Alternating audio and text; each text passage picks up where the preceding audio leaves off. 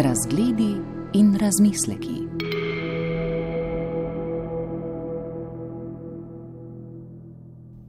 Vsak prazen prostor je lahko oder.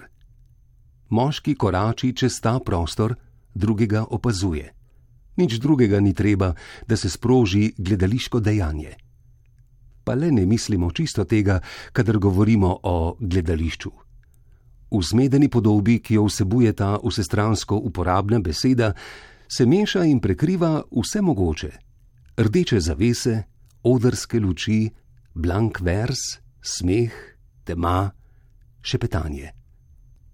Pravimo, da je kino ubil gledališče in mislimo pri tem na gledališče, kakršno je bilo ob rojstvu filma. Gledališče foajejev, sklepnih sedežev, odrskih luči, spremenjajoče se scene, muzike, pauz in čim uspešnejše prodaje vstopnic, kot bi bilo gledališče po definiciji samo to in komaj kaj drugega. Skušal bom razcepiti to besedo na štiri načine in najti v njej štiri različne pomene. Govoril bom o morilskem, svetem, surovem in neposrednem gledališču. Včasih ta štiri gledališča zares tiče drugo tik drugega v londonskem West Endu ali v New Yorku blizu Times Square. Včasih so stotine kilometrov narazen, sveto v Varšavi in surovo v Pragi, in včasih so metaforična. Na isti večer, da v istem dejanju se lahko dve pomešata med seboj, zgodi se, da se vsa štiri, sveto, surovo, neposredno in morilsko, prepletajo isti trenutek. Govoriti o morilskem gledališču se nam zdi prvi hip skoraj odveč, gre pač za slabo gledališče vidimo ga najpogosteje in ker je najtesneje povezano s preziranim in pogosto napadanim komercialnim gledališčem, kar ni zgolj izgubljanje časa, če ga še enkrat kritiziramo. Žal je problem veliko pomembnejši, kot je videti na prvi pogled. Gledališka morija je namreč vrljiva in lahko nastopi kjerkoli. Položaj morilskega gledališča je kajpada jasen, Gledališkega občinstva je po vsem svetu zmerom manj, kdaj pa kdaj se sprožijo nova gibanja, nastopijo novi, dobri dramatiki in tako dalje. Nasplošno pa gledališče ne samo, da ne pretresa in ne poučuje več, temveč se mu le redko kdaj posreči vsaj zabavati. Gledališče so večkrat imenovali vlačugo, ker da je njegova umetnost nečista. Danes pa je ta beseda resnična v drugem smislu. Vlačuga ti izvabi denar in te prikrajša za užitek. Kriza na Broadwayu, Londonu in Parizu je ista kriza. Ni nam treba spraševati pri gledaliških blagajnah, sami vemo, da je postal teater morilski posel in da občinstvo to voha. Saj, če bi občinstvo kdaj zares zahtevalo pristno zabavo, o kateri tako pogosto govori, bi nas spravilo v hudo zadrego.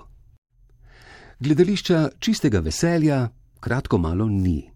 In za naš pošteni denar nas nikakor ne ogoljufata samo trivialna komedija in slabi muzikal. Morilsko gledališče si utira morilsko pot tudi v veliko opero in tragedijo, v Moljerove in Brehtove igre. In nikjer se, kaj pa da ne naseli tako varno, udobno in premeteno, kot v delih nekega Viljama Šekspirja. Za morilsko gledališče je Šekspir prava terna. Gledamo predstave, v katerih ga igrajo dobri igralci in gotovo tako, kot ga je treba igrati.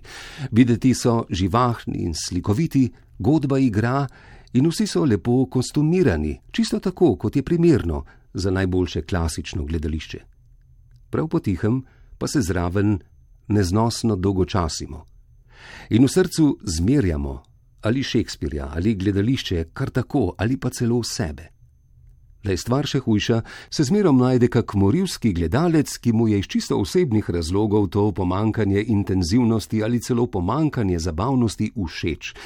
Da nimo kak učenjak, ki smehljaje se prebrodi tudi najbolj rutinsko predstavo klasikov, ker ga ni nič zmedlo ali odvrnilo od tega, da bi znova preveril in si v duhu potrdil svojo priljubljeno teorijo in pri tem hkrati z igravcem potihem ponavljal svoje priljubljene verze. Njegovo srce si odkrito želi gledališča, ki je žlahtnejše kot življenje in zamenjava zadovolitev nekakšne intelektualne potrebe z resnično in globoko izkušnjo, po katerih repeni. Nažalost je to, za to gledališko puščobo, nekakšna posvetitev in tako morilsko gledališče veselo nadaljuje svojo pot. Če si ogledamo vsakoletne resnične uspehe, bomo zapazili nekaj zelo čudnega. Pričakovali bi, da bo uspelo delo živahnejše, hitrejše, vedrejše kot tisto, ki je propadlo, pa to ni zmerom res. Skoraj vsako leto doživi večina mest, ki imajo rada gledališče, vsaj en veličasten uspeh, ki vrže vsem pravilom rokavico v obraz, igro, ki uspe ne kljub temu, da je pusta, temveč prav zato, Kulturo na vse zadnje vendarle asociiramo z nekakšnim občutkom dolžnosti, historičnimi kostumi in dolgimi govori, pri katerih skrivaj zehamo. Tako je ravno pravšnja merica dolgočasja zanesljivo jamstvo pomembnega gledališkega dogodka. Doza je žal tako tanko odmerjena, da je nemogoče dati za njo recept, malo preveč pa gledalce odnese s sedežev, malo premalo pa se jim bo zdela tematika neprijetno zgoščena. No, videti je, da se povprečni avtori nezmotljivo pritipljajo do ravno prave mešanice in nam tako ohranjajo morilsko gledališče in njegove puščobne uspehe, ki jih vsi hvalijo na veke vekov. Amen. Gledalci v gledališču krepene po nečem, kar bi bilo boljše kot življenje in zato mimo grede zamenjajo kulturo ali kulturno parado z nečim, česar ne poznajo, pa nejasno čutijo, da mora obstajati in s tem, ko povzdignejo, morijo v uspeh, žal sami sebe goljufajo. Razlika med življenjem in smrtjo je pač pri človeku kristalno jasna, na drugih področjih pa malce zamegljena. Tega se moramo zavedati, ko govorimo o morilskem gledališču. Zdravnik lahko pri priči loči med živim človekom in nekoristnim kupom kosti, ki ga je življenje zapustilo. Pri opazovanju tega, kako začno ideje, stališča ali oblike, ki so bili še pravkar živi, umirati, pa smo manj izurjeni. Težko je to opredeliti, zavoha pa vsak otrok. Oglejmo si primer. V Franciji igrajo klasične tragedije na dva morilska načina. Prvi je tradicionalen, pri tem uporabljajo igravci prav poseben glas, posebno vedenje, žlahtno mimiko in privzdignjeno muzikalno recitacijo.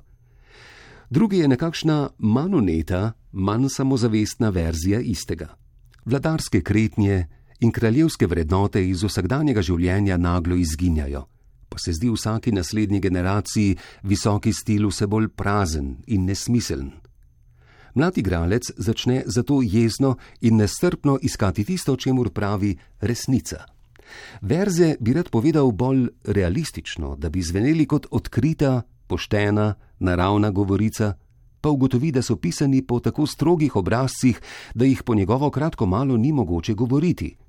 Prisiljen je torej napraviti neljub kompromis, ki ni niti osvežujoč kot vsakdanja govorica, niti izzivalno gledališki, patetičen.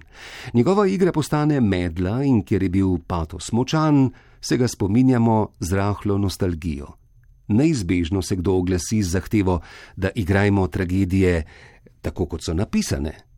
Zahteva je poštena, žal pa nam tiskane besede povedo samo to, kar je odtisnil tiskar na papir, ne pa kako so jih nekoč obujali v življenje ni plošč, ne trakov, ki bi nam to prikazali, zanesti se moramo pač na strokovnjake, čeprav seveda tudi izmed njih niti eden tega ne ve iz izkušnje. Resnična starina je izginila, ostalo je samo nekaj imitacij v obliki tradicionalnih igralcev, ki še zmerom igrajo tradicionalno in pri tem ne črpajo iz resničnih, temveč iz domišljijskih virov. Naprimer iz spomina na barvo glasu, ki jo je uporabil kak starejši igralec, barvo, ki je bila že sama posnetek posnetka še starejšega vzornika. Nekoč sem bil na vaji komedij Frances. Čisto mlad igralec je stal nasproti zelo starega in je govoril in se kretal v vlogi, kot bi bil njegova zrcalna podoba. Tega ne gre zamenjevati z veliko tradicijo, da nimo igralcev japonske igre No, kjer oče ustno preda svoje znanje sinu. Oče predaja pomen in smisel prikazanega, smisel pa nikoli ne pripada preteklosti. Vsak človek ga lahko preveri na svojih izkušnjah. Če pa ponavljaš zunanjosti neke igre, samo podaljšuješ maniro, ki se ne veže kratko malo na nič. Tudi glede Šekspirja beremo in slišimo isto: igrajte vendar tisto, kar je zapisano. Kaj pa je zapisano? Črke na papir. Šekspirjeve besede so zapis besed, ki je želel, da bi jih govorili, besed, ki naj bi bile zvoki, prihajajoči iz človeških ust, da je del njihovega pomena v nastavku, pauzah, ritmu in kretnji. Beseda se ne rodi kot beseda, temveč je končni produkt procesa, začetega z impulzom, ki sta ga sprožila položaj in vedenje, terjajoče izraz. Ta proces poteka v dramatikovi notranjosti in se mora ponoviti v igravčevi notranjosti. Oba se ne mara zavedata samo besed, pa je vendarle pri obeh, pri avtorju in igravcu, beseda samo neznaten vidni del orjaške, nevidne formacije. Nekateri pisci se trudijo natanko obrazložiti svoje misli, največkrat v prizoritvenih navodilih in razlagah. Dejstvo pa je, da ravno najboljši dramatiki najmanj razlagajo. Jasno jim je, da bo vsako nadaljnje pojasnjevanje brščas nerabno. Vedo, da bo igralec pravilno izrekel besede samo, če se bo v njem obnovil prvotni ustvarjalni proces. Tega ni mogoče obiti, ne poenostaviti. Žal smo tisti hip, ko ljubimec ali kralj spregovorita, že pri roki s svojo etiketo. Ljubimec je romantičen, kralj plemenit. In še preden se prav zavemo, že govorimo o romantični ljubezni in kraljevski plemenitosti ali vzvišenosti, kot bi šlo za stvari, ki jih držimo v rokah in pričakujemo, da jih bodo igravci spoštovali. Pa to niso substance in ne obstajajo. Če jih skušamo najti, si v najboljšem primeru napravimo približno rekonstrukcijo po slikah in knjigah. Recite igravcu naj igra v romantičnem slogu pa bo pogumno poskusil, ker bo mislil, da ve, kaj ste hoteli reči. Toda na kaj se dejansko lahko opira? Na domišljijo, občutek in album gledaliških spominov. Vse to mu bo dalo nekakšno bledo romantičnost in pomešal jo bo s prikritim posnemanjem starejšega igralca, ki ga po naključju občuduje. Če začne grebsti po svojih izkušnjah, se tisto, kar bo izgrebel, prav lahko da ne pokriva s tekstom. Če pa kratko malo igra tisto, kar misli, da je tekst, bo igral verjetno konvencionalen posnetek. V vsakem primeru bo šlo za kompromis in običajno ne bo prepričljiv. Za manj se delamo, kot bi imele besede muzikalno, poetično, žlahtno, heroično, romantično, udnat na ravni velikosti in vse druge, ki jih uporabljamo pri klasikih, absoluten pomen. So samo odsev kritičnega pristopa nekega obdobja in če si prizadevamo, da bi danes gradili predstavo po teh kanonih, smo stopili na pot, ki varno vodi v morilsko gledališče, pa tako ugledno morilsko gledališče, da velja za živo resnico. Nekoč sem o tej temi predaval in posrečilo se mi je napraviti praktično preizkušnjo. Na srečo je bila med mojimi poslušalci ženska, ki ni ne brala, ne videla kralja Lira. Dal sem ji prvi gonerilin govor in jo prosil, naj po možnosti izlušči iz njega vse skrite vrednote. Brala ga je zelo preprosto in govor je bil zgovoren in očrljiv. Na to sem ji razložil, da gre za besede hudobne ženske in ji svetoval naj bere vsako besedo, kot da je hinavščina. Poskusila je, in poslušalci so pri priči videli, v kakšen trd in nenaraven boj s preprosto muziko besed se je spustila, ko je skušala igrati v skladu z unaprej podano opredelitvijo. Oče, za moje čustva ni besed. Draži ste mi, kakor te moje oči, svoboda in v svet. Ljubši kot vse, kar je najbolj izredno in dragoceno, življenje, čast, lepota, sreča, zdravje, kot je le kdaj očeta hči ljubila. Z ljubeznijo, ki jemlje dih in nam jezik hromi. Tako in še bolj vas ljubim. Vsakdo lahko obnovi ta poskus. Preizkusite besede na jeziku. Videli boste, da gre za govor gospe žlahtnega rodu in okusa, ki se zna izražati v javnosti, je družabno izurjena in uglajena. Kar se njenega značaja tiče, je to pot vidna samo fasada, in fasada je elegantna in privlačna. Če pomislimo na uprizoritve, pri katerih govori Goneril te prve besede kot mračna zločinka, in si znova ogledamo govor, se zares vprašamo, kaj naj takšna interpretacija pomeni, razen vnaprejšnjega nakazovanja Šekspirjevih moralnih stališč. Dejansko se vse ravnovesje igre spremeni, če Goneril pri prvem nastopu ne igra pošasti, temveč tisto, kar nakazujejo njene besede, in njena zloba in lirovo mučeništvo v nadaljnih prizorih nista ne tako groba, ne tako poenostavljena, kot sta videti. Na koncu igre seveda vemo, da ravna Goneril kot pošast, pa prava pošast, zapletena in sugestivna. V živem gledališču mora vsaka skušnja preizkusiti vse včeraj odkrite vrednote, v veri, da nam je prava resnica igre znova ušla. Morilsko gledališče pa se loteva klasikov z stališča, da je nekoč nekdo odkril in definiral, kako je treba stvari igrati. To je večni problem tistega, čemu pravimo prav površno stil. Vsako delo ima svoj stil, drugače ne more biti, in vsak čas ima svoj stil. V trenutku, ko skušamo ta stil utrditi z zmerom, pa smo izgubljeni. Živo se spominjam, kako je kmalo po gostovanju pekinške opere prišla v London kitajska opera s Formoze, ki bi hotela pekinški prevzeti prvenstvo. Pekinška je bila še zmerom pri viru in je vsak večer znova oživljala stare vzorce. Formoška je uporabljala iste vzorce, tudi obnavljala je njihove posnetke, zabrisovala nekatere podrobnosti, pretiravala učinkovite pasaže, pozabljala na pomen vsake posameznosti. Nič ni znova oživelo.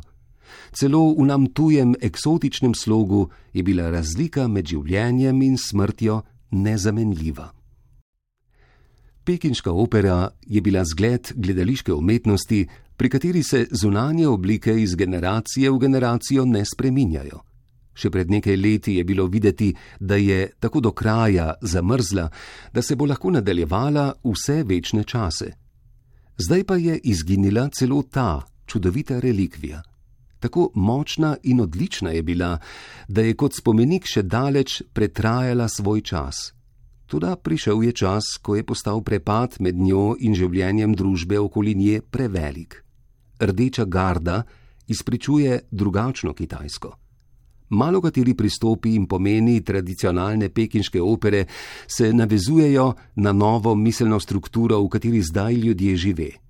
Cesarje in princese so danes v Pekingu nadomestili gospodarji in vojaki in iste neverjetne akrobatske spretnosti uporabljajo, ko govori o čisto drugi tematiki. Zahodnjaku se zdi to grdobija in sramota in rad preliva kultivirane solze. Seveda je tragično, da je ta čudovita dediščina uničena, pa vendar se mi zdi, da je neusmiljeno ravnanje Kitajcev z imetjem, na katero so bili upravičeno najbolj ponosni, seglo v samo jedro živega gledališča. Gledališče je zmerom samo uničevalno, umetnost, ki je pisana v veter. Poklicno gledališče zbere vsak večer druge ljudi in jim govori z jezikom vedenja uprizoritev se ustali in jo je treba običajno ponavljati. Ponavljati, kolikor mogoče dobro in natančno, to da od dneva, ko se ustali, začne nekaj nevidnega odmirati. V moskovskem umetniškem gledališču, v Tel Avivskem Habimahu so se nekatere predstave obdržale 40 let in več. Videl sem verno oživitev princese Turandot, kot jo je v 20 letih zrežiral Vahtangov. Videl sem odlično ohranjene verzije samega Stanislavskega. Zanimive pa so bile samo kot starine. V nobeni ni bilo vitalnosti novega izuma. V Stratfordu, kjer nas neprestano preganja skrb, da iz nobene uprizoritve nismo iztisnili vsega, kar bi lahko, diskutiramo zdaj na empirični podlagi. Vsi smo istih misli, da namreč predstava lahko živi najdlje pet let. Ne postanejo nemoderni, samo frizure, kostimi in maske, vsi elementi uprizoritve, krajšnice, vedenja, ki izražajo to ali ono čustvo, kretnje, gestikuliranje in barva glasu. Na nekakšni nevidni borzi neprestano spreminjajo vrednost. Življenje gre dalje, vpliva na igralce in občinstvo. In druge igre, druge umetnosti, film, televizija, dnevno dogajanje, neprestano z nove strani osvetljujejo zgodovino in popravljajo današnjo resnico. V modnih hišah trešči nekdo s pestjo po mizi in pravi: Škorni so nesporno prodrli. To je eksistenčno dejstvo. Živo gledališče, ki misli, da se ga tako vsakdanje stvari, kot je moda, ne dotikajo, se bo posušilo. V gledališču je vsaka forma, ki se porodi, umrljiva. Spočeti jo je treba znova in novo koncepcijo bodo barvali vsi vplivi okolja. V tem smislu je gledališče relativnost. Pa vendar, veliko gledališče ni modna hiša. Nekateri njegovi elementi so večni in se zmerom spet obnavljajo, in nekatere temeljne resnice so podlaga vsega dramskega delovanja. Toda smrtna past je nastavljena tamkaj, kjer gre za razlikovanje med večnimi resnicami in površnimi variacijami. Te so umetelne oblike snobizma in so usodne. Splošno priznano je, naprimer, da smejo režiser in njegovi sodelavci spreminjati scensko opremo, kostume in muziko, in celo da je te elemente treba kdaj pa kdaj obnoviti. Veliko bolj negotovi pa smo, kadar gre za stališča in vedenje. Če so videti v tekstu pristni, se nam zdi, da jih je mogoče tudi na odru izražati zmeraj enako ali vsaj podobno. V bližnji žlahti s tem problemom je spor med gledališkimi režiserji in glasbeniki pri uprizarjanju oper. Dve popolnoma različni umetnosti obliki, dramo in muziko, namreč obravnavamo, kot bi bili eno. Glasbenik dela snovjo, ki se najbolj, kar je človeku mogoče, približuje izražanju nevidnega. Partitura zaznamuje to nevidnost in zvok, ki ga uporablja, proizvajajo inštrumenti, ki se skoraj da ne spreminjajo. Nič ni važno, kakšen je človek, ki na nje igra. Pravce ti suhec lahko izvabi iz klarineta bogatejši zvok kot sijoč debeluh. Orodje muzike je ločeno od same muzike.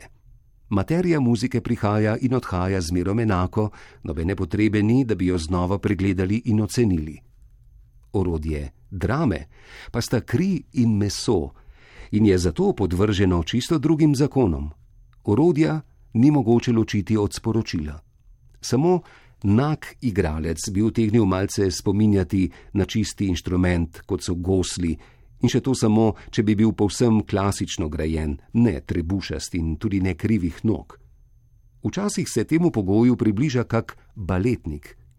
Tedaj lahko obnavlja formalne kretnje, ki jih ne spreminjata ne zunani tok življenja, ne njegova osebnost.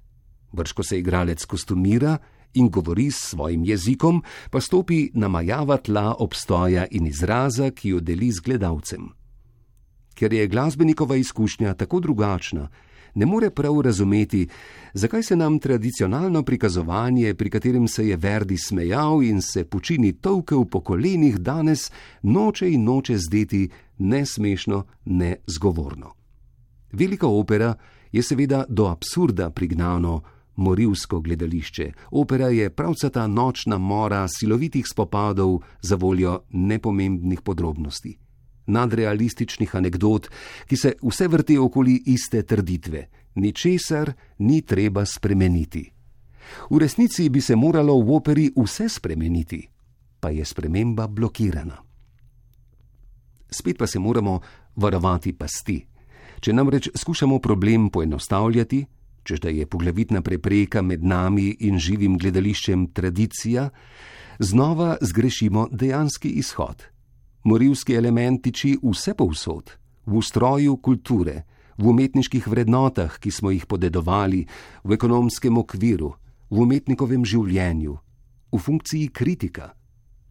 Ko jih preizkujemo, pa opazimo, da je neverjetno, prav tako res nasprotno, zakaj sredi morilskega gledališča se pogosto utrinjajo boleče, neizživete, kdaj pa kdaj pa celo za hip zadovoljive iskrice resničnega življenja.